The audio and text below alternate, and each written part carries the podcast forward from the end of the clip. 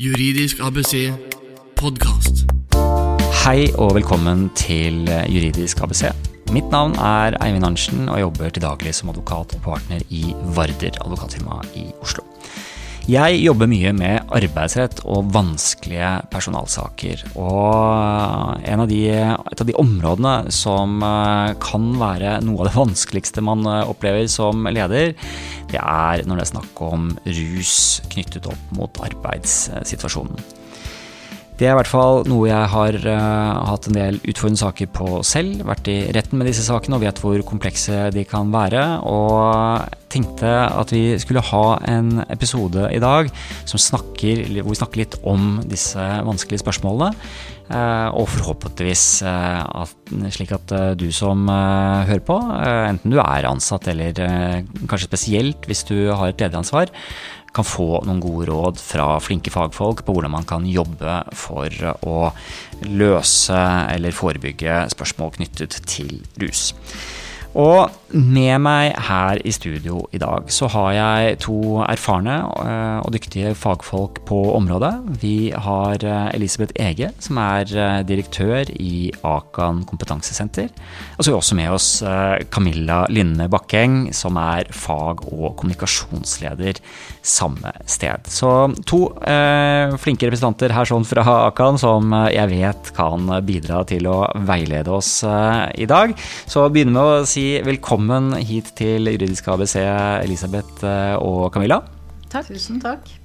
Jeg tok jo kontakt med deg, Elisabeth, eh, tidlig i høst fordi dere hadde skrevet et eh, innlegg sammen som dukket opp på LinkedIn. Det er mye som skjer på LinkedIn for tiden.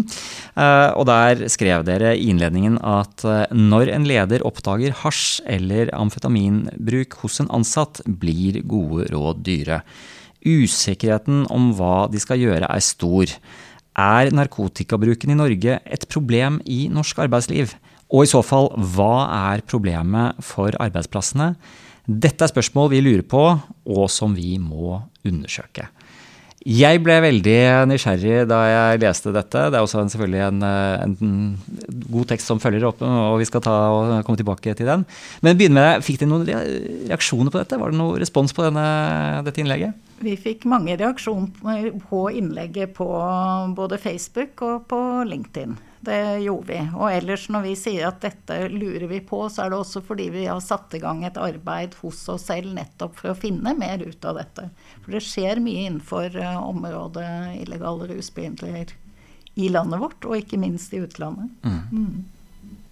Mm. Vi får jo også flere henvendelser på veiledningstjenesten vår. Altså det er flere henvendelser som handler om narkotikabruk i arbeidslivet. Um, og så kan vi ikke nødvendigvis bare si at da betyr det at det er mye mer bruk i norsk arbeidsliv. Det kan jo handle om at kanskje er vi blitt flinkere til å oppdage det. Kanskje er vi blitt flinkere til å søke råd og hjelp. Uh, veiledning knyttet til hvordan skal vi håndtere det. Mm. Så det også er noe som vi ja, har lyst til å se litt nærmere på. Hvis det er en del narkotikabruk der ute, hva er da den største utfordringen for arbeidsplassene? Mm. Handler det om hvordan de skal håndtere det, eller hva er det holdninger, fordommer? Altså det, det er mange spørsmål knyttet til dette, da. Stort og vanskelig område. Mange, ja. både, den kan være både ledermessige og etiske og juridiske spørsmål. Et spørsmål jeg har, som jeg tenkte at vi kanskje kan begynne med, hvis det er greit for dere, er Eh, litt sånn på det strategiske for eh, ledere. Eh, jeg er jo, som lyttere av podkasten vet, jeg er veldig opptatt av hvordan man skal jobbe som, som leder, også i et arbeidsrettslig perspektiv. Men dette handler jo selvfølgelig også om, om, om andre spørsmål. Men, men hvordan man kan jobbe med vanskelige temaer på en måte for å bedre virksomheten. Hvordan kan man strategisk jobbe for å bedre virksomheten. Og det kan det jo handle både om hvordan skape et bedre arbeidsmiljø, men også hvordan man skaper, sånn sett, enten direkte eller indirekte, eh, bedre lønnsomhet eh, i virksomheten. Så det er liksom en totaldel som går på eh, forvaltning av, av, de ansatte på en, på, en, best mulig måte. Og hvordan passer disse spørsmålene inn i det perspektivet? Er det lønnsomt og bra å jobbe med disse vanskelige spørsmålene? Ja. Det, det, vi vet, er at Og det er en undersøkelse som Folkehelseinstituttet har gjort, hvor de kom fram til at jeg tror det er ca. 3-4% av norsk, ansatte i norsk arbeidsliv da, som selv svarer at de har hatt alkoholrelatert fravær. Og det er 11-12% som svarer at de har møtt ineffektive på jobb som følge av alkoholbruk. Og dette har Samfunnsøkonomisk analyse regnet på. Kommet fram til at det betyr minst 1,1 milliard kroner hvert eneste år for norsk arbeidsliv. Samfunnskostnadene er jo mye høyere. Mm. Så at dette har økonomisk eh, fordel å, å, tenke forebygging og det vi kaller tidlig innsats, altså raskt ta tak i det hvis man blir bekymret for noen, det, det er helt klart lønnsomt. Og dette er litt sånn som det er med varsling, eh, som er også noe som for så vidt er i eh, vinden, for å si det sånn. Eller i hvert fall er i, i fokus eh, i, eh, i, nyhetsbildet. Eh, hvor jeg husker i gamle dager så var det liksom litt skepsis blant arbeidsgivere i forhold til å ta tak i varslingssaker. For det var liksom eh, Man ville egentlig bare tenke det bort. Eh, men så har man jo tall på at det å jobbe med varslingssaker, det er jo lønnsomt. Eh, det er også mange milliarder i året. Så eh, ikke at vi skal ha så fokus på, på pengene, men bare det er greit å, å, ta den delen også og si at jo, forskning viser, og FHI de stoler vi på. Det gjør vel de fleste etter koronaen, tror jeg. Dette er faktisk lønnsomt, i tillegg til at det selvfølgelig, og det er det viktigste perspektivet, det handler om medarbeiderne dine. og å ta vare på de på en god måte. Mm. Elisabeth, du var litt inne på dette med problemets størrelse. Og, da har vi altså noen tall på det, men da mer, mer økonomisk retning. Hva er det egentlig, altså Hvor stort er dette problemet med, med rus i arbeidslivet? Ja, vi hva er, det vi sier, det er 10-15 eh, i norsk arbeidsliv, da snakker vi om alkohol, som drikker på en risikofylt. risikofylt måte, som betyr at hvis du fortsetter å drikke på den måten, så vil det, vil det få helseskader for deg selv. Mm. Men så er det jo klart det kan skje mye i jobbsammenheng, kommer mange konsekvenser på jobb før du kommer dit. Eh, dette handler om hvilken alkoholkultur har du på jobbfestene dine. Det handler om eh, Jeg snakket om at det koster 1,1 milliard i minst årlig mm. i fravær og ineffektivitet. Men i tillegg kommer jo belastning på arbeidsmiljø. Kolleger mm. som irriterer seg over at folk ikke gjør jobben som de skal.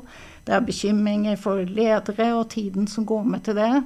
Vikarer eventuelt. Så det, det, det er mye mer det er snakk om. Eh, så er det vel alkohol vi har best tall på når det gjelder eh, arbeidsliv. Ja. Vet ikke om du vil ja, abs absolutt. Um, alkohol vi vet mest om. Det er det mm. som man spør mest om da, i disse undersøkelsene.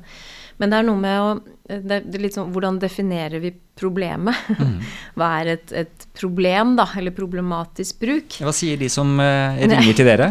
Nei, det, Vi har en tendens til å tenke på dette som når det er en avhengighet, mm. eh, da er det liksom et problem. Mm. Men da er vi jo inne på diagnostiske kriterier. Det er jo ikke noe ledere eller arbeidsgivere skal bry seg om mm. eller ha noe kompetanse på. Og så handler det om at dette kan bli problematisk lenge før eh, det går så langt som til en avhengighet. Og nå er, det, er det jo nærliggende å snakke litt om f.eks. Um, ehm, julebordstiden, da. Ja. Ikke sant? Uh, Nå når vi spiller inn dette, så er det jo vi rett foran uh, ja. julebordsesongen. Men det er, jo, det er, jo, alltid sesong for noe. Altså, så kommer sommerfesten også, ikke sant? Ja. Vi får liksom mest taletid før jul, da. Men, og det er jo for så vidt synd, for det er uh, mange anledninger i løpet av hele året. Men, mm. men poenget er at én um, ting er de kostnadene som Elisabeth refererer til, som er knyttet til fravær og ineffektivitet. Men alt det som vi også vet koster arbeidstakere en del altså Det er veldig mange, det er 37% som syns det er problematisk at kolleger drikker seg fulle på jobbfester, f.eks. Mm. Eller andre sosiale arrangementer i regi av jobb. Det er 7% som svarer at de har opplevd uønsket seksuell oppmerksomhet i de samme anledningene. Mm. Uh, det er også en ca. 2% som sier at de har blitt skadet i de situasjonene osv. Mm. Pga. kollegers uh, drikking i de situasjonene. Det er problematisk. Selv om vi ikke kaller noen av de for å ha et alkoholproblem eller et rusproblem. Og da er vi jo inne på det som Elisabeth refererer til som kulturen på arbeidsplassen. Skal vi, skal vi kunne jobbe, altså skal vi jobbe strategisk, som du sa i stad, og skal vi nærme oss varslinger, det blir kanskje voldsomt å snakke varslinger, men i hvert fall bekymringsmeldinger, så må vi jo begynne å se på hva slags kultur har vi.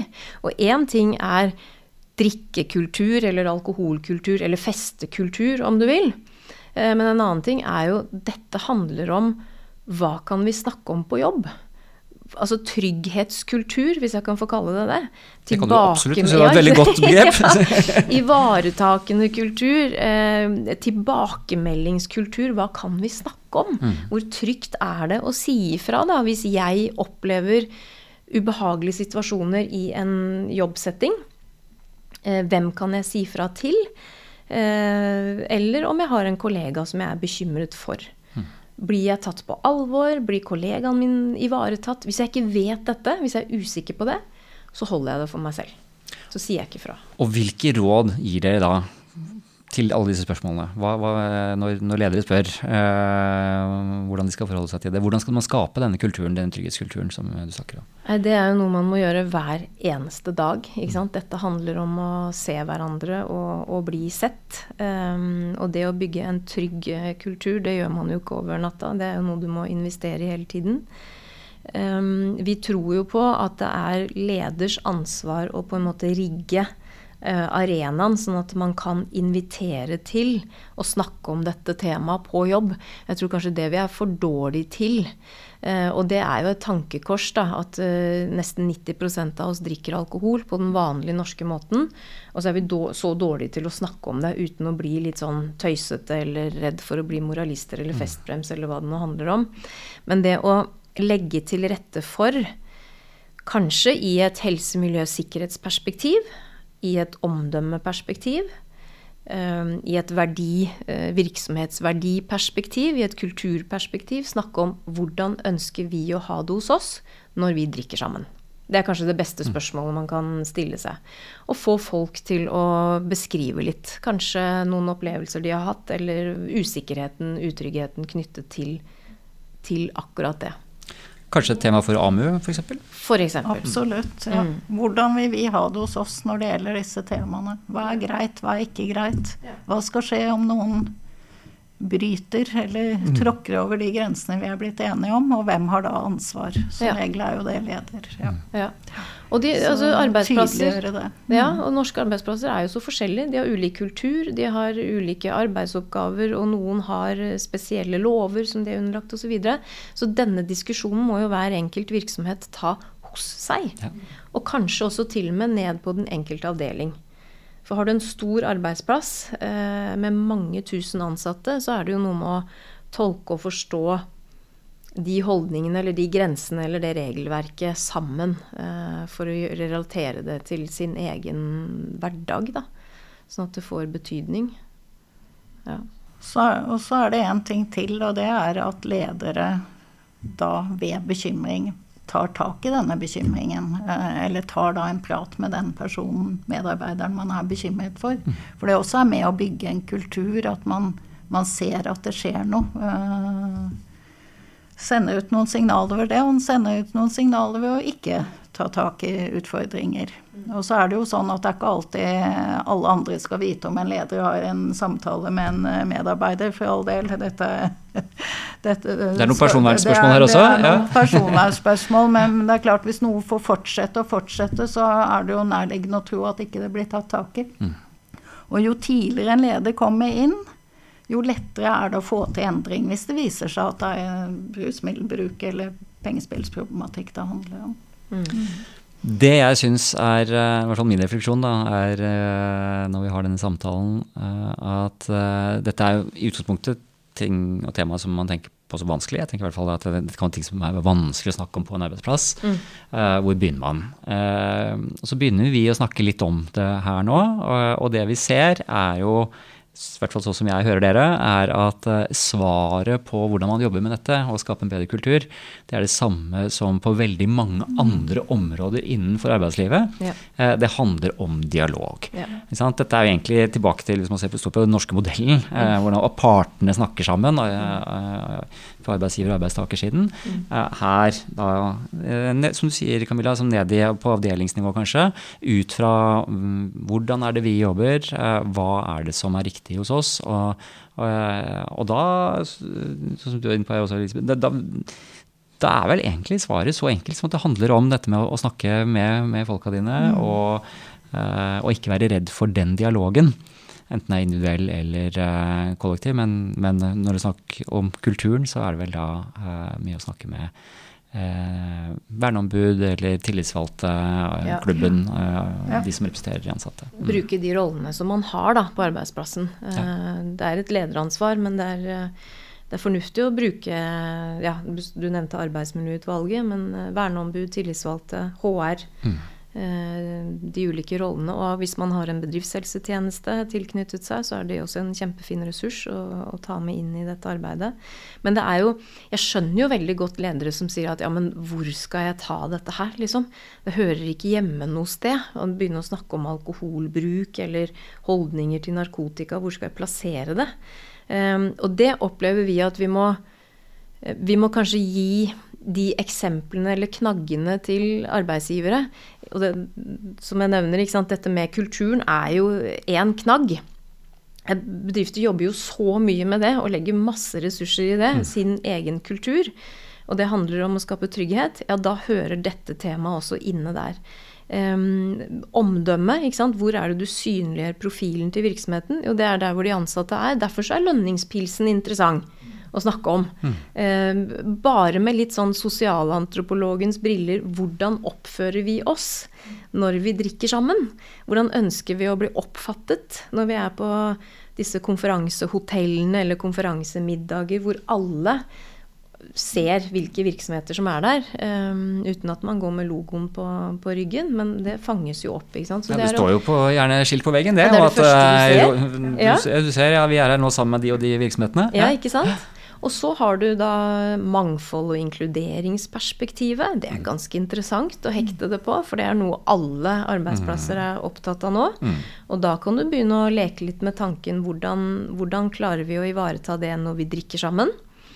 Eh, Så det er så mange knagger utover dette med helse, miljø og sikkerhet, som selvfølgelig er eh, en del av det også. Men når man snakker om det i ulike foraer i virksomheten, så hører dette temaet også hjemme der. Så det å finne de knaggene og den kanalen ut da, til de ansatte som vi allerede har, ikke sant? Som, som vi vet at de ansatte lytter til, um, hekte dette temaet på der, tror vi, tror vi på. Så vet vi at mange er opptatt av bærekraft for tiden. Og det er et av FNs bærekraftmål, nummer tre, handler jo om sosial bærekraft. Og det å forebygge problematisk bruk og håndtere det på en god og systematisk måte er rett inn i svaret på en av de eh, konkrete bærekraftsmålene. Men dere gjør jo da forebygging så enkelt. Dette handler jo eh, egentlig bare om at ja. eh, så skal du bygge en god kultur, så er det snakk om å ha dialog. Eh, Da er det mange temaer man skal ha dialog om. Eh, Dette går helt naturlig inn innenfor eh, mangfold, og miljø, eh, bærekraft. Mm. eh, Alle de tingene, tingene som da er, eh, er viktige å tenke på. Eh, mange flere ting også, men eh, av de tingene som er mer i vinden nå. Så, sånn sett så har vi fått noen gode knagger her nå, eh, for å se på hvordan man kan jobbe med kultur og også da å forebygge utfordringer. Men uansett hvor mye man jobber med kultur og det å forebygge, så er det jo problemstillinger som dukker opp på individuelle saker. Eh, og uh, ja, taletid nå i forbindelse med at det er uh, julebordsesong. Uh, jeg vet ikke hvordan det er hos dere, jeg vet hvordan det er hos oss. Og det er ikke sjelden at det kommer en telefon eh, mandag morgen fra en leder. Eh, vi har hatt julebord. Der skjedde så og slik. Eh, Vi har fått et varsel, eller eh, vi har observert, eller whatever. Eh, Og det kan være eh, mange stygge eh, episoder knyttet til det. Um, så, og det er jo sånn veldig sånn konkret som en type personalsak, men det er kanskje ikke alltid sånn det dukker opp. Uh, heller en, kanskje en kollega som er bekymret. Kan arte seg på mange måter. Langt spørsmål, og det det egentlig dreier seg om, er hva gjør en arbeidsgiver når man har en konkret situasjon med en arbeidstaker som har rusproblemer, enten er alkohol eller narkotika? Mm. Anbefalingen vår er jo da å ta den samtalen som mange kaller den vanskelige samtalen, fordi den ofte oppfattes sånn. Vi kaller den enten bare samtalen, bekymringssamtalen, eller nødvendige samtalen. For du, du, må snakke med den personen. Og da er det jo noe med å være så konkret som mulig i, i den samtalen. Peke på hva gjør deg bekymret, eller hva er det som faktisk har skjedd på dette julebordet eller jobbfesten som er en uheldig episode. Mm. Så vær så konkret som mulig og ta, ta, den praten. Og jo lenger man venter, jo vanskeligere blir det. Både ikke, for den det gjelder, og for lederen selv.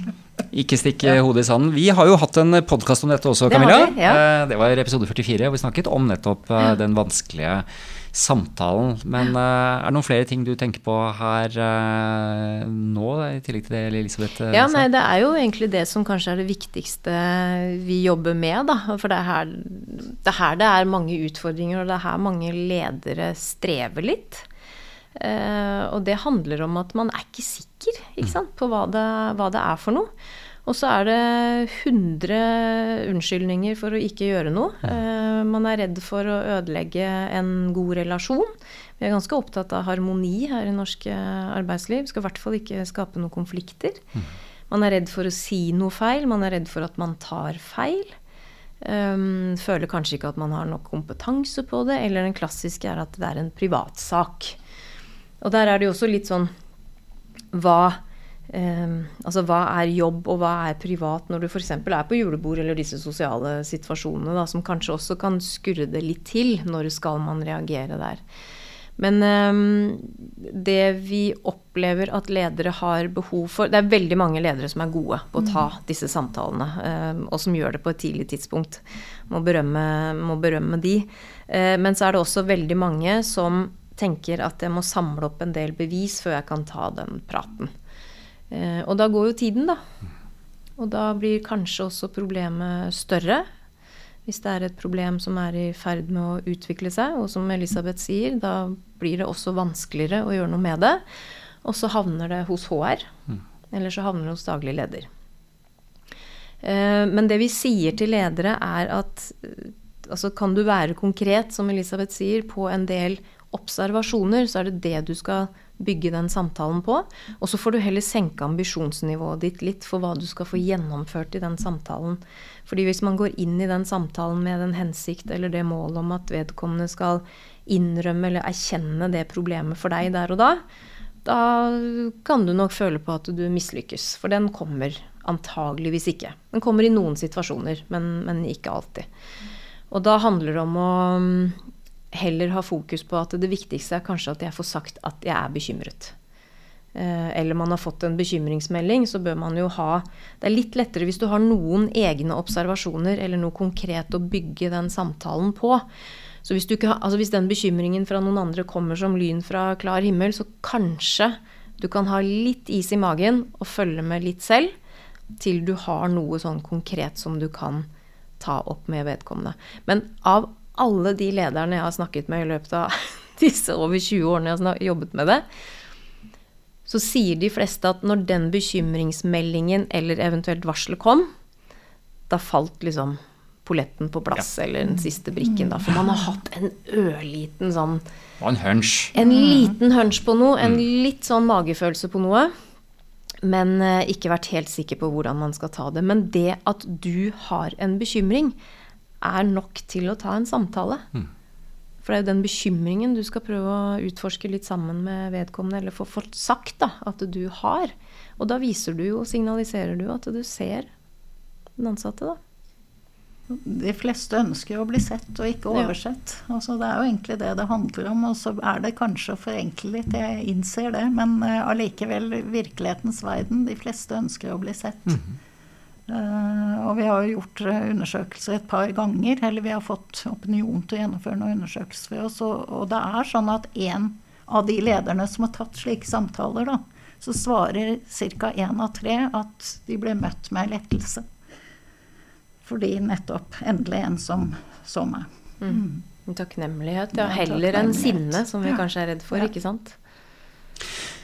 Alternativet som da er å ikke gjøre noe, er jo i hvert fall uh, tenker jeg, mangel på respekt for uh, den ansatte. Uh, mangel for liksom å, og mangle evne til å se den ansatte hvis man ikke kan ta den samtalen.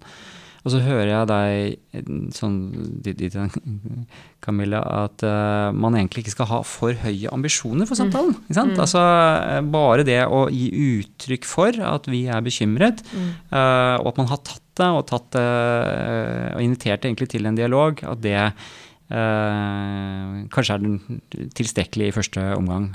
og jeg ja. ja det, det, høres kanskje litt sånn rart ut, fordi at man man skal jo forvente at det skjer en endring. Det er jo derfor man tar den samtalen. Men grunnen til at det sier det, er um, hvis, vi ikke, altså hvis vi ikke får en sånn konkret hva skal jeg si, løsning eller handlingsplan i den første samtalen, så er det så mange som føler at de mislykkes, da. Uh, og så gjør man ikke noe mer. Ok, da tok jeg det i hvert fall opp, men jeg fikk fornektelse eller bortforklaring eller sånn, men da har jeg liksom tatt det. Nå har jeg ikke noe mer å, å gå på. Mm. Og så gir man seg litt på det. Men det er klart du kommer til å møte motstand hos den ansatte i en sånn samtale hvis du faktisk er i ferd med å avsløre det som kanskje vedkommende skammer seg aller, aller mest over. Og da er det noe med at jeg tror vi er litt sånn opplært i at eh, når du først har en sånn type samtale, så skal du liksom gå ut av den samtalen med, om ikke akkurat en konkret løsning, men i hvert fall en eller annen plan for å nå videre. da. At man liksom er i en prosess. Um, og det er kjempefint de gangene man får til det, men senk ambisjonsnivået, så handler det litt om at det, det første samtalen, bare få sagt at du er bekymret, og så la vedkommende få lov til å tenke litt over det, da. Og så kan du også tenke litt over det som har kommet fram, og så avtaler dere alltid en ny samtale. For da viser du at du kommer til å følge opp den bekymringen du har, til du skjønner at dere kanskje er i en form for prosess. Mm. Men jeg tror vi ofte blir litt utålmodige, og kanskje handler det også om at dette har vi faktisk sett over en tid. Man har bekymret seg en stund, og så skal jeg liksom endelig ha kommet dit at jeg skal ta den samtalen, og da skal det skje litt fort. Så det å tillate seg selv å ha litt tålmodighet der, men, eh, men ikke minst ikke tenke at eh, den første samtalen skal lede til noe sånn helt konkret, det kan komme etter hvert. For der igjen så handler det om å skape den tryggheten for at jeg tar den samtalen fordi jeg er bekymret for deg, ønsker å hjelpe deg. Men da må du fortelle meg hva dette faktisk handler om. Så man begynner på en prosess. Det er klart, um, Så kan man selvfølgelig tenke tilfeller hvor, uh, hvor uh, den jobben som gjøres, ikke er forenlig med å ha, uh, ha det tidsperspektivet. Det er klart, så Snakker du om en pilot eller en kirurg eller hva det måtte være, så, så, er det kanskje et annet løp. Hvis vi legger det til side innenfor, innenfor, innenfor arbeidslivet, så er det mange som har en, eh, altså en, en, form for fungering, da, selv om man har, uh, har disse utfordringene. Eh, Akan-avtalen eh, er jo et eh, begrep, og selvfølgelig nært knyttet til, til dere. Og, hvordan kommer det inn som et type virkemiddel i individuelle saker? Ja, det er Individuelle Akan-avtaler det er jo et tilbud om hjelp. Altså Hvis en, en selv kommer, og det ser vi nå i økende grad i noen undersøkelser vi har gjort, at det er faktisk en viss andel som selv kommer til sin leder og sier at nå trenger jeg hjelp her. Og da går det an å inngå en slik avtale. Eller så er bakgrunnen at det har skjedd et brudd mm. på en policy eller arbeidsreglement.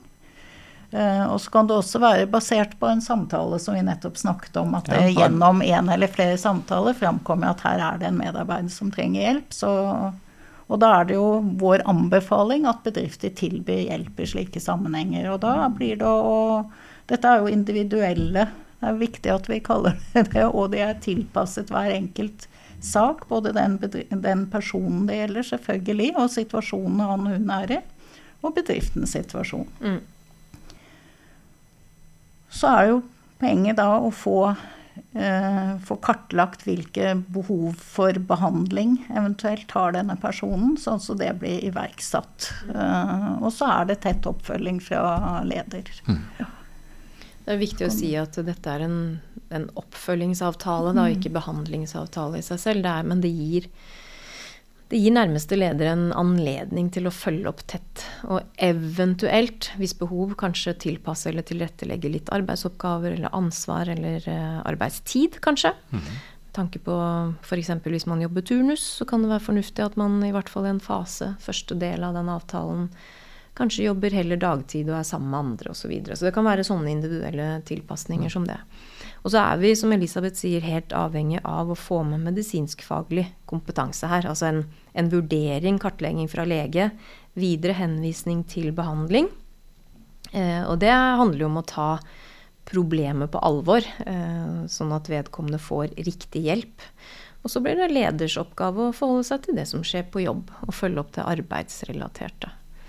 Men tenker du at uh, det er noe som er naturlig å, å ta opp uh, fra arbeidsgivers side i samtale to eller tre eller sånt? Eller, uh, det er veldig forskjellig. det kommer litt lenger ut. Altså det vi erfarer er at når du først kommer så langt, holdt jeg på å si, at du begynner å snakke om å tilby en individuell Akan-avtale, og vedkommende sier ja takk til det. Det er jo mm. tilbud, det er viktig ja. å presisere. Ja, det er frivillig. Det er, det er ikke frivillig. noe du kan dra ned over ørene på noen. Nei, nei, nei. Og ikke noe rettighet å få eller noe plikt å gi, men det er et tilbud. Det er et verktøy man, man kan bruke i visse situasjoner. Ja, ja, ikke sant. Og når man kommer dit, så får man til innmari mye bra. Mm. For da får man koblet på lege, eventuelt bedriftshelsetjeneste hvis man har det, osv. Um, så, så, så det er liksom veien før det, og det skal litt til, det skal en del trygghet til da, for å si ja takk til de avtalene. For å faktisk vite hva, hva skjer med meg, hva er konsekvensene.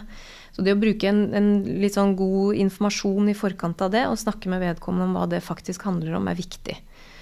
Um, og så spurte du om noe annet som jeg glapp litt på nå, for du eh, Nei, sa jeg var, ja. Nei, det er litt sånn egentlig med timingen, da. Ja, ja, eh, ja. Um, det er ikke noe oppskrift på det, altså, fordi vi vet aldri hvordan vedkommende reagerer i den første samtalen. Noen ganger så kan du treffe på timing, eller som faktisk noen har sagt, det at min leder satte seg ned og sa at han var bekymra for meg, det traff meg så innmari hardt, fordi jeg har så respekt for lederen min, jeg har så god relasjon til lederen min, så da liksom fortalte jeg alt. Mm. Og da kan man jo være mottakelig for en Akan-avtale allerede der. Men det for de fleste så er det nok litt lenger ut i forløpet, altså. Etter en kanskje to-tre samtaler. Men det er jo mulig å informere om det.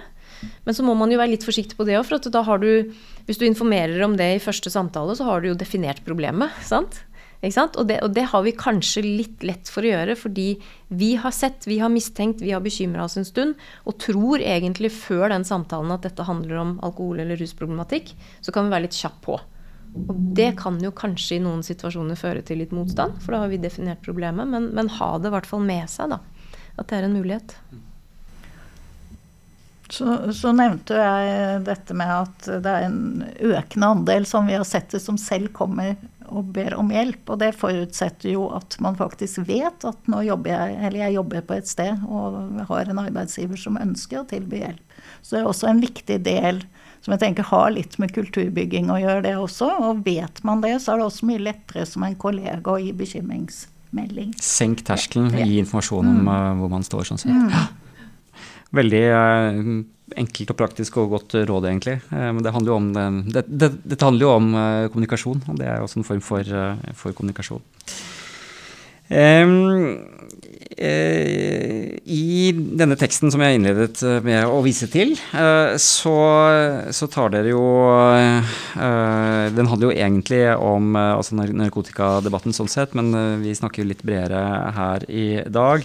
Og så er det jo også dette med at anerkjenner, dere anerkjenner jo at det er en del eh, jobber hvor, hvor, det stilles strenge krav, eh, og at det er selvfølgelig noe man må uh, ta på alvor. Uh, uh, og så sier dere mot slutten at det går an å ha to tanker i hodet samtidig og reagere i form av en advarsel eventuelt anmeldelse hvis regelverket brytes, står ikke i veien for samtidig å vise omsorg og tilby hjelp. Det er ingen motsetning i dette. En reaksjon betyr ikke at man slår hånden av, utestenger eller ekskluderer en ansatt. Det betyr at man setter grenser og tydelig viser hva som er uakseptabelt. Og eh, jeg syns jo dette var eh, godt formulert, og eh, kanskje ikke så rart at dere fikk en del respons på dette også. Men er det noen flere, altså nå som debatten har gått litt også, er det noen flere ting man kan si om det å ha disse to tankene i hodet samtidig? For det er jo kanskje en vanskelig øvelse. Ja, ja da, det, det vi, vi, kan, jo si noe om en studie som eh, Oda Sjøvold, en som jobbet hos oss tidligere, gjennomførte. Eh, som nettopp viser dette her. Det var altså ti sykepleiere som ble tatt i å stjele medikamenter på jobb. Mm. Eh, alle ble politianmeldt, for de mm. hadde jo gjort noe ulovlig. Men det var stor forskjell i hvordan deres leder møtte dem da dette ble oppdaget. Og det vi ser, er at uh, altså ytterkanten her var fra Ja, så er det du som er tyven, hvor det satt tre ledd med ledere over og, og, og, i samtalen, til uh, da hun som ble møtt med Du, nå har vi et problem her. Uh, dette må vi snakke om. Og det gjorde de, og hun ble tilbudt en annen type jobb. Eh, på det stedet. Det, det, det, er klart, det kan ikke alle. Men hun ble ivaretatt. Hun fikk en klem. altså Hun, hun ble ivaretatt som et medmenneske. Mm. Så det er det vi tenker når vi sier at to tanker i hodet på en gang her. Eh, det går an eh, også å, å, si opp hvis det er helt nødvendig. Eh, men samtidig ivareta. Og det er noe med hvordan formidler dette som egentlig er så helt avgjørende. Og det vi så blant disse ti, er jo ulikt det har gått med de senere i livet. Mm. Og, og, hva vet man om det? Nei, Det vi vet om det, er at hun som ble ivaretatt av dette ene eksempelet hun har valgt å stå fram, hun, hun, er jo nå tilbake som sykepleier og fungerer meget bra og har vært i jobb hele tiden. Mens da andre eksempler som dessverre ikke har gått så bra med. Mm. Mm. Og det, det, er selvfølgelig mange ting som kan spille inn, men, men akkurat den der hvordan blir du formidlet, hvordan blir du ivaretatt i en så sårbar og vanskelig situasjon, ekstremt viktig. Mm. Her kommer du også litt inn på dette som uh, handler om å avslutte arbeidsforhold. Det er klart det er, det, er kanskje ikke akkurat i kjernevirksomheten av hva dere driver med. Det er uh, noe som er en, en Det vet du mer om. Ja. ja. men jeg tenkte å høre liksom, om dere har noen tanker rundt det, eller noen perspektiver på det. For noen ganger så Igjen har vi vært inne på det, altså det er litt forskjellige typer type stillinger også. Uh, men hva tenker dere om, uh, om det å, at arbeidsgiver kanskje må avslutte arbeidsforholdet uh, knyttet opp mot disse problemstillingene? Jeg tenker, altså Selv om vår plattform er selvfølgelig å hindre frafall, og at du skal gi i hvert fall folk en mulighet da, mm. til uh, å skape endring. Det er jo det vi formidler. Men jeg må innrømme at i noen veiledningssamtaler uh, så har jeg sagt til arbeidsgiver at kanskje du har gjort det du kan. Og at oppsigelse er eneste mulighet her, faktisk. Vi møter jo bare de som i utgangspunktet ønsker å hjelpe til. Og da opplever vi at det er ekstremt mye omsorg der ute. Og at man nesten i noen situasjoner kanskje strekker seg litt for langt. Og blir også litt utydelig i forventninger til endring og ikke tør å stille krav osv. Og, så og det er jo heller ikke helt riktig. Litt konfliktsky? Ja, ja, det kan være det. Og at man gjør det i beste mening. Mm.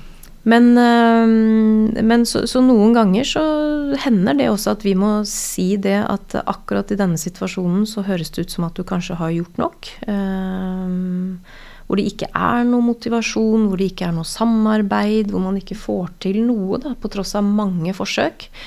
Og det er jo heller ikke heldig det at man skal gi tilbud på tilbud eller Akan-avtale på Akan-avtale. Um, hvis man ikke får til noe varig endring der. Altså, så jeg har full forståelse for de arbeidsgiverne som i enkelte situasjoner må gå til oppsigelse også. Mm.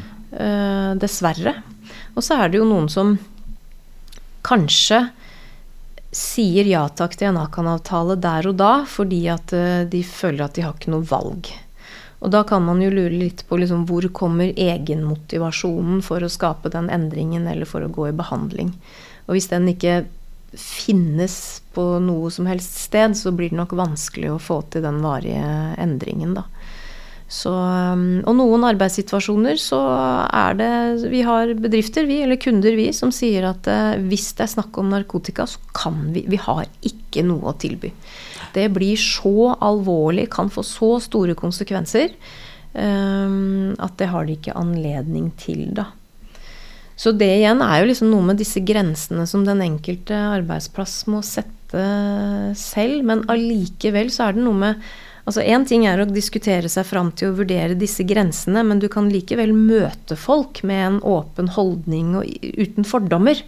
For dette er helt vanlige mennesker som kommer ut i situasjoner. Det kan være helt vanlige livskriser som vi alle møter på i løpet av et liv.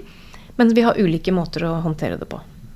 Eller det kan være en uh, gjeng med ungdommer som røkte cannabis uh, samtidig ja. som de var i garden. Ja, nettopp. Mm. Der har du et eksempel på, ja, på det òg. Det var kanskje ikke så mye omsorg der. Jeg kjenner ikke saken i detalj, men det var i hvert fall en relativt kontant reaksjon ja. fra Forsvaret. Ja. Mm. Mm. Så er det jo yrkesgrupper som hvis du ikke lenger kan utføre den jobben du har, så er det ikke noen andre jobber du kan gjøre. Altså ta mm. yrkessjåfører f.eks. Det er ikke veldig lett å sette en yrkessjåfør som mister sertifikatet til annen type jobb. Det er forskjell på store og små virksomheter her. I en liten virksomhet mm. så er det ikke alltid lett å finne noe alternativ. Så, så det, det, er mange, det, er mange, mange elementer. Ja, det er. Ja. Så er det dette med kollegaer, og ja. belastning på kollegaer selvfølgelig også. Som, ja. Så det er, det, det er mange vanskelige spørsmål å bale med, men mm. uh, man har i hvert fall, nå har i hvert fall liksom fått, fått, noen knagger og, og, hatt en fin diskusjon, syns jeg, rundt disse problemene. Eh, Akan oppi dette? Hva er, det, hva er det egentlig dere tilbyr? Hva er det dere kan hjelpe til med, Elisabeth? Vi kan eh, komme ut og holde kurs skreddersydd virksomheten. Vi f.eks. gjennomfører ganske så mange samtalekurs for ledere mm. gjennom et år. Der har vi både åpne kurs som tilbys til alle hvem som helst kan melde seg på, og vi har skreddersydd ulike bedrifter. Så si at jeg hadde vært leder på en fabrikk, da, 200 mm. ansatte.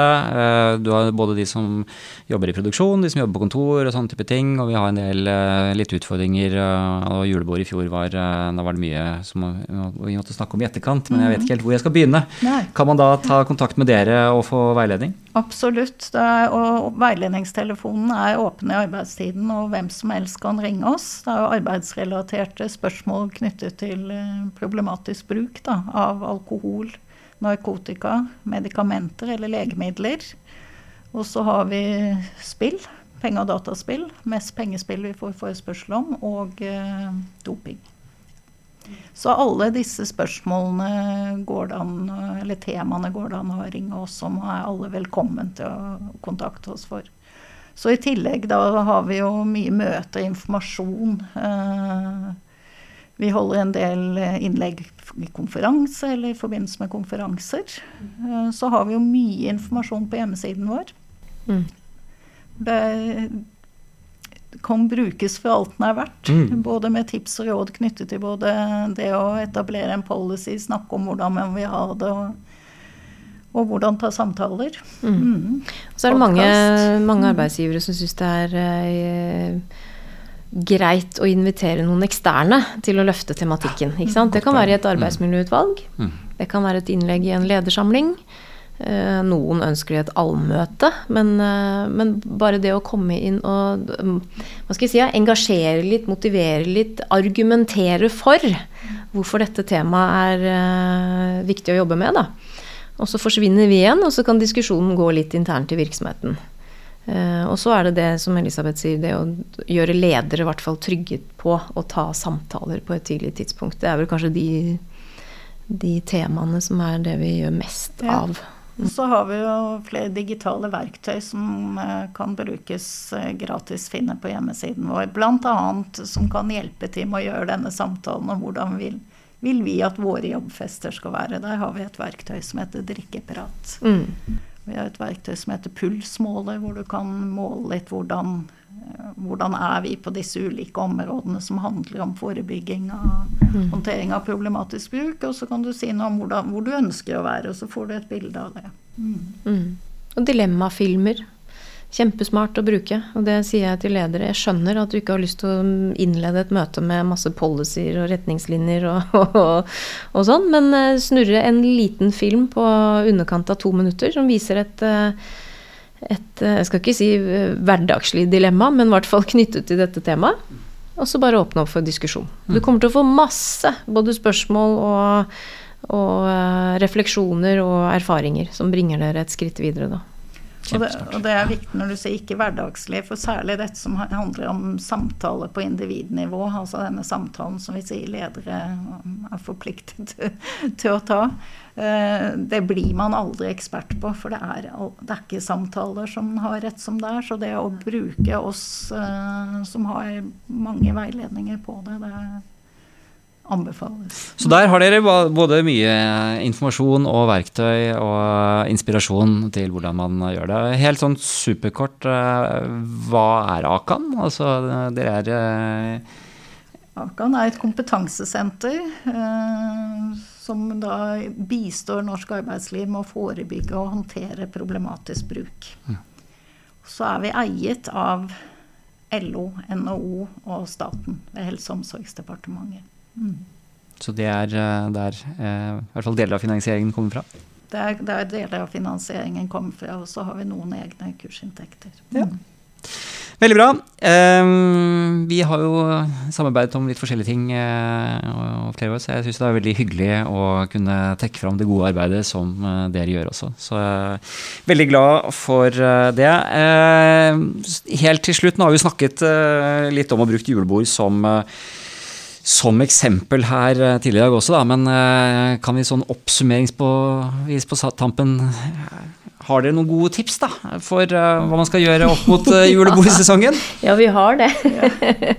og det er jo det, det er morsomt det akkurat i år, da, for nå skal vel alle ta igjen det tapte. Det er mange Dette som ikke har hatt julebord på Dette blir vel kanskje en intensiv ja, sesong. Og, ja, og folk er litt ute av trening. Og man har ansatt nye i en periode hvor man ikke har hatt jobbfester. Sant? Så nå er det litt sånn, nå skal alle ut og, Kulturen og prøve seg. Kulturen skal dannes på nytt, ja. uh, og man er ute av trening. Ja, og, så kanskje litt ekstra i år for at dette skal skal oppleves som inkluderende og hyggelig og gøy for, eh, for alle, så tenker vi at eh, hvis man ikke har snakket om jobbfester før, da, så kanskje eh, snakke litt om forventninger til årets julebord. Det kan være smart. og så er vi opptatt av å at uh, arbeidsplasser er litt uh, flinke til og enten hvis vi har festen på arbeidsplassen eller ute i en restaurant, hotell, hva som helst, at man sørger for at det er valgmuligheter. At du både serverer alkohol, men også alkoholfritt. Like fresht og kult og fristende som alkoholholdig drikke. Da blir det lettere å velge. Mocktails. Mocktails, f.eks. Mm. Det er masse gode alternativer på dette her. ikke sant?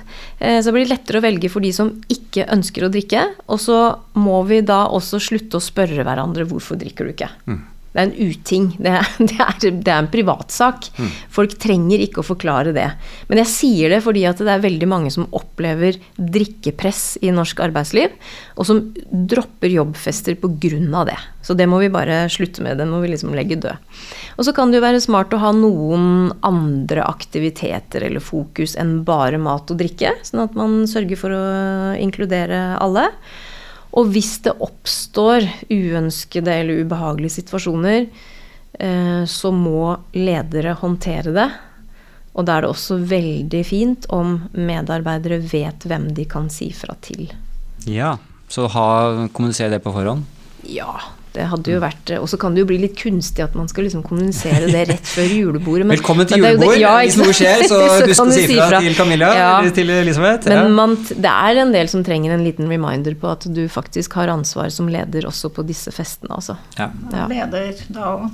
Ja. Og jeg møter jo, ja, ikke sant? jeg møter jo ledere som sier at uh, nei, jeg drar nok først hjem fra julebordet, sånn at liksom de ansatte skal få lov til å feste i fred og sånn. Og så møter jeg ledere som sier at uh, nei, julebordet jeg, jeg er sistmann. Jeg skal slokke lyset, liksom. Og det handler jo litt om å sørge for at alle har kommet seg trygt hjem derfra. Sånn. Så det er mange innganger her. Ehm, men, men noe med i hvert fall snakk om disse situasjonene. Veldig gode og konkrete råd. Tusen takk for at dere ville komme og være med på Juridisk ABC. Og så ønsker jeg dere lykke til med, med sesongen. Håper, håper at det går bra. Det gjør det helt sikkert. Det gjør det. takk. Takk. Takk for oss. Du har hørt Juridisk ABC podkast. For mer informasjon om dagens tema, se juridiskabc.no. Her finner du flere podkaster og artikler innen arbeidsrett, eiendomsrett, familierett og temaer for deg som driver egen virksomhet. Meld deg på vårt nyhetsbrev på juridiskabc.no.